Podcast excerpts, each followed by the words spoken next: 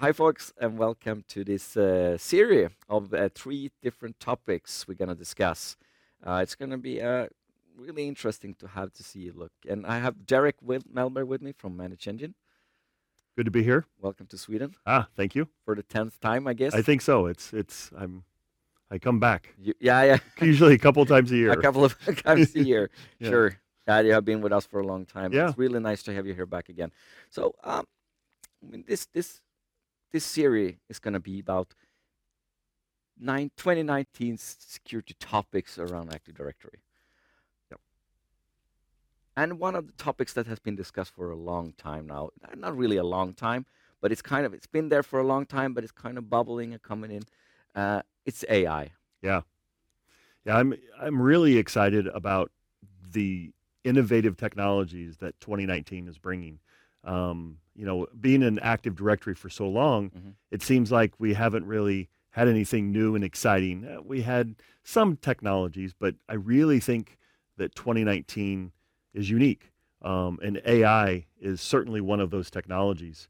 Um, you know, you just said it's been around for a while, but not really. It has been around a really long time. Um, and I think that not only is IT going to be able to leverage AI, but other verticals. Um, but I think when we start looking at AI within IT and of course Active Directory, Mhm. it's, it's pretty cool. Yeah, that's where, where where where do you think? Okay, so Active Directory is a huge thing. I mean, they have everything from GPOs to to uh, all of these kind. Where do you think the AI will fit into Active Directory? I mean, it's it's an important one of the fundamental pieces today of of the IT. Yeah. So AI, from my view, and what's what I've already seen, Mhm. is going to be an extension of SIEM solutions. So your your security um, information and events are going to be now analyzed Mm-hmm. by AI. So the concept is that we have correlation, we have alerting, we have all of these awesome technologies and SIEM solutions. Mhm. But one of the areas specifically related to um, uh, identity and access management is how do we get security information around known users? So users that we put in Active Directory. How do we know that they're doing something good or bad? And and this is really where AI comes in. Ah, that's, that's actually because every I've also been in the business now for for actually a couple of years, but that's always something that has been. But like the user is always the weakest point that has been discussed for years. But how, how do you actually le- leverage Correct. that into the security? So this is really really interesting topic. So you actually think that this is the year where it start off, I guess. It's it it's truly amazing to see. So so let me just give you an example, Mhm. right? So the part of AI that is in a SIEM solution is called UBA, either user behavior analytics or user and element behavior analytics. Okay, the U is there for user Uh-huh. in both. And it's the idea that we're looking through the volume of events Mm-hmm. and we create a baseline of activity for a user. Okay, so let's say you're a user in my Active Directory environment, Mm. and you typically get to work and log on between 7:45 and 8 o'clock, Mhm. and you typically log off between 4:45 and 5:15. So I'm creating a baseline for this, and I'm going to do this maybe for 30 to 90 days.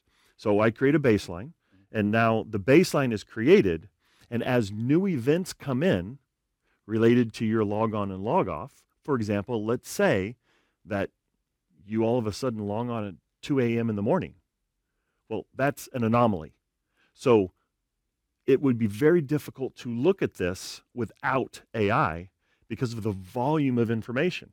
So we're taking the SIEM information that we've had for years Yeah, yeah, yeah. and we're just throwing new technology at it and and we can we can really look at log on log off log on failure we can look at um, time location Mm-hmm. so if you have never logged on remotely before and all of a sudden you log on remotely Mhm. that's an anomaly Ah, we can look at um, access and files um, for volume. So, you know, a, a lot of companies are, are having issues with users downloading files and taking them.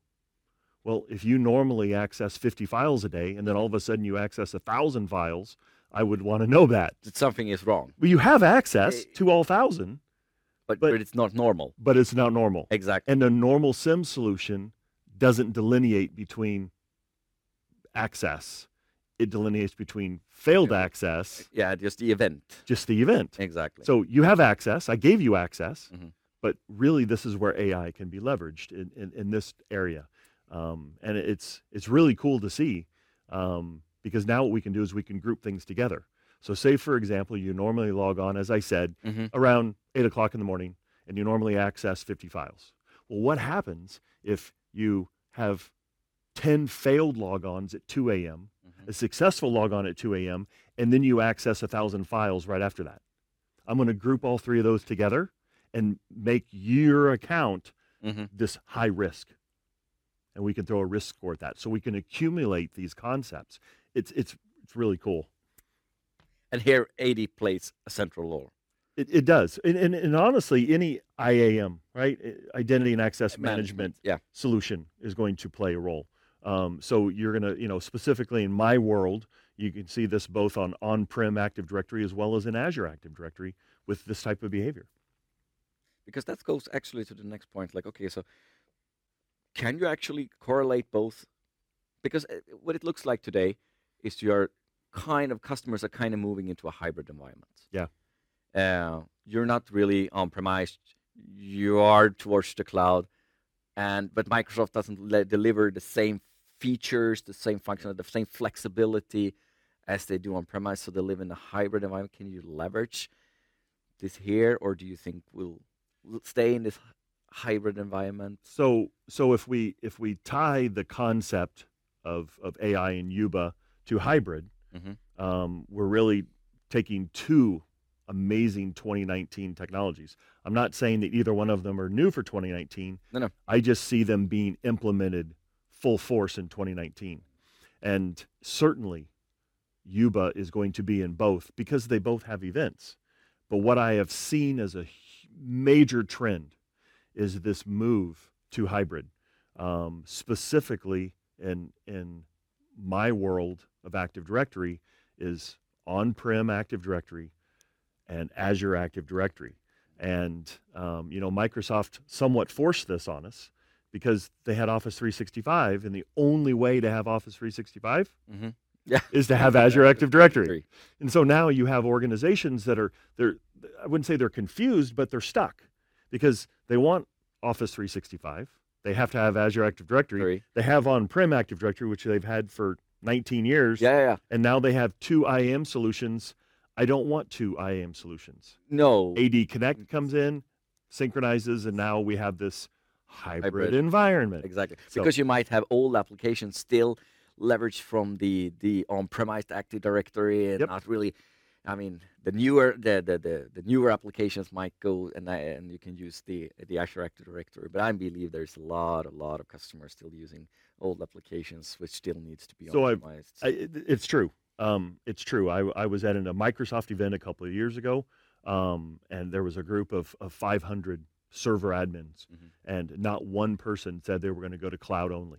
yeah. Um, I, I, I see numbers from Microsoft, and Microsoft is saying, you know, about 70% of Active Directory organizations are going to be hybrid over the next five years. So, in my opinion, if we look five, ten years, we're hybrid, and and the the common theme is on-prem. On-prem Active Directory is the common theme. Yeah. So for all of you admins out there, what I'm telling you is don't throw away your 19 years of experience administering on-prem Active Directory. Mhm. You you still have that. You're still going to have that. Yeah, yeah. And what I would recommend is just look at Azure Active Directory, look at your cloud solutions as nothing more than another service, another app, Mm. another thing that extends from on-prem Active Directory because we're not going to remove on-prem Active Directory. And we have spent years perfecting scripts and tools and ways to manage it. And there's no reason to throw that away. No.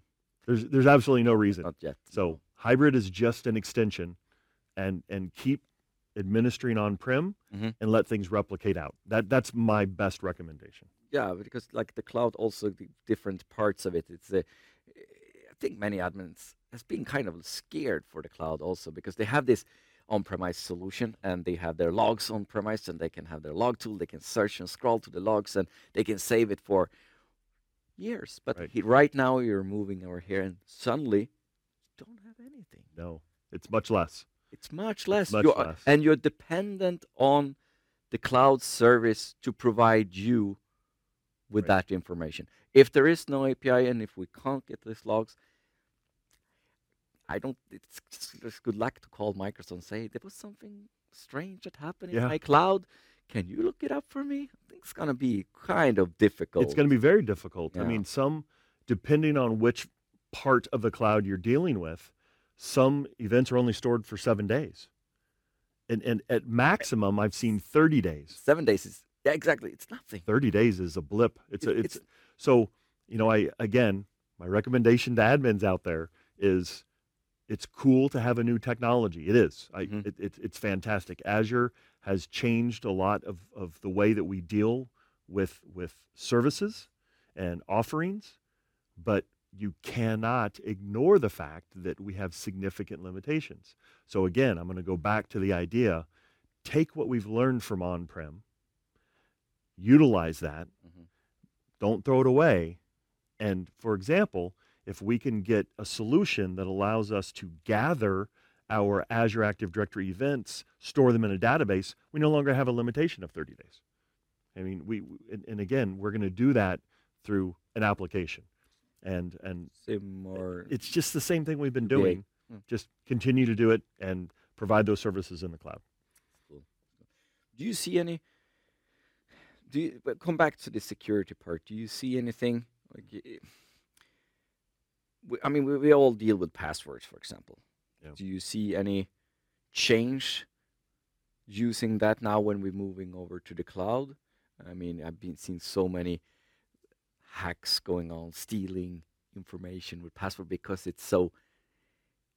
It in the cloud, it's not just you there's a lot a lot of other customers or so you can so if i would be a hacker i would also go where i can find mostly information and password is kind of the weak link we talk about UBA we're talking about the person with Yeah. the weak link doesn't don't we really have to do anything here Yeah. Um, passwords have always been a, a, a weak link, always. And if we really think about the fact that we have moved from on-prem, right, where where our domain controllers are are behind firewalls, they're they're isolated, mm-hmm. and now we have domain controllers. Not, not really. Well, you, you have you have your domain, your Azure Active Directory enterprise out on the internet. Mhm. So now, the attackers can go after any account, and they do. Um, I was at Ignite, Microsoft at Ignite a couple of years ago, Mhm. and Microsoft threw up, and I think it was, I think the number was four billion. They negated four billion authentication requests Mhm. in one month. one month one month. So we're, we're we're we're the scale now yeah is astronomical. So you're, you're correct. The password is even more vulnerable now than ever before, and um, yeah it, it feels like that it, it, it is. yeah And and the solution is multi-factor authentication, and we've been talking about multi-factor authentication for the last 15 years. hmm But the problem is we've been always going to bio. It, it seems like you go to smart cards or biometrics. But now everyone has their phone, right? We all we always have our phone with us. yeah yeah yeah Um, we we have access to email.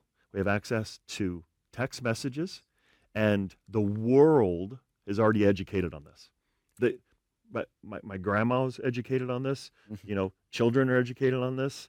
Everyone is already educated. Yeah, I mean, I think a lot of these, like let's call them personal services, or Gmail, or um, they all kind of push for some type of two-factor authentication. Yeah.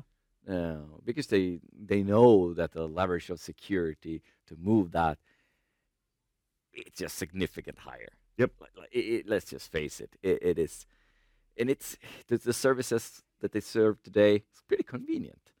It it feels like back in the days was kind of difficult to say. was. and It would you had to have a large infrastructure to to manage certificate. Well, you you Well, it's you the might perfect storm. We, we we really are meeting at the perfect storm. And what I mean by that is that we do have everyone having a device that can receive a code. Mhm, Everyone has a phone to receive a code. mhm. So that now is solved, and companies don't even have to provide the phone. You can use your own phone. Yeah, yeah, You know, you, you bring your own device. Nice. So now we have that device. We have the technologies other than smart cards and whatnot that now we can push through whatever we want to use, whether we want to use um, some authenticator, whether we want to use um, SMS or whatever it is. I mean, there's so many different opportunities, and now we mush them together, and we can almost eliminate passwords. I don't think we're ever going to eliminate them, but they're they're going to become zero factor, which is what Microsoft has already done. Yeah, we scale it down. Microsoft employees today do not have to change their password because they're all using multi-factor authentication. Yeah, that's always been also discussion. Like change the password three times a year, four times a year. Eh, It's don't choose it too often. Don't do it less. You know, there's no perfect thing here. You have to just some. You have tried to find. Let's do it every quarter. Yeah. That's something in between. That's uh, what we Swedish call lagom. Yeah. i- it is. Well, a lot of organizations are dry. That is being driven by compliance regulations. Ah, Someone, somewhere, thought up the idea. Hmm. The best way to make a password secure is you have to change it every 90 days or every 45 days, and the compliance regulation forced that number because the organization didn't want that. Mm-hmm. because the one thing that is absolutely guaranteed is users are going to forget their password. users are going to forget their password. It, it- it's That's just just, that's just the way, and it's costly. It costs. it's, It's, it's extremely so costly. Like not just even for you as an admin to just restore the password or trying to do it. it I mean, the loss of the workers not being able to do their work. Yeah. Just it's. I, I don't want to think about it, but I believe there is scales for that too. Someone had come up with idea about how much this costs, but I mean, so so. When I think if you now let's now let's start. I, I love building blocks, right? So now let's take the building block of hybrid hmm and the building block of passwords and put them together, and now we have an issue because now users have more passwords. We always had a trouble on prem; they couldn't remember one, Exactly. and now they don't have one. Everyone was looking. ten. Yeah, everyone was looking for, and now you have different services. One is for the Google, and we use this service for our uh, for for logging into Office 365. We use Yep. this service for for the the marketing tool, and you have HR, finance. exactly. You know, I have in order to go see how many days of vacation left, I have to log into the HR system. In order to see my payroll stub, um, I got to go into this system. Yeah. In order to get to my files, I Dropbox and I go to this system. If I want to do a PowerPoint presentation, I have to go to Office 365, this system, and they all have a different username and password. So synchronization is, is vital. yeah, it's white. and and we as organizations, we as IT, must help the user. Um, we have to. They have to. They're overwhelmed. They they were overwhelmed with one password, Or exactly. and now they're they're they have no chance. yeah, and they have they have their own tools. They have their Gmail, their Facebook, their Instagram, their LinkedIn profile. They have their All of it. So we have to help them synchronize that. absolutely. And uh, I agree, hundred percent. Yeah. So I, I think really those are some awesome technologies. I mean, I'm really excited about all of those, um, and I and I think they they do intertwine and they Mhm. meet. Um, and and I think I've already seen um, lots of hybrid um, in, in the different events that I've done already this year, and I really think that it's just going to continue to grow.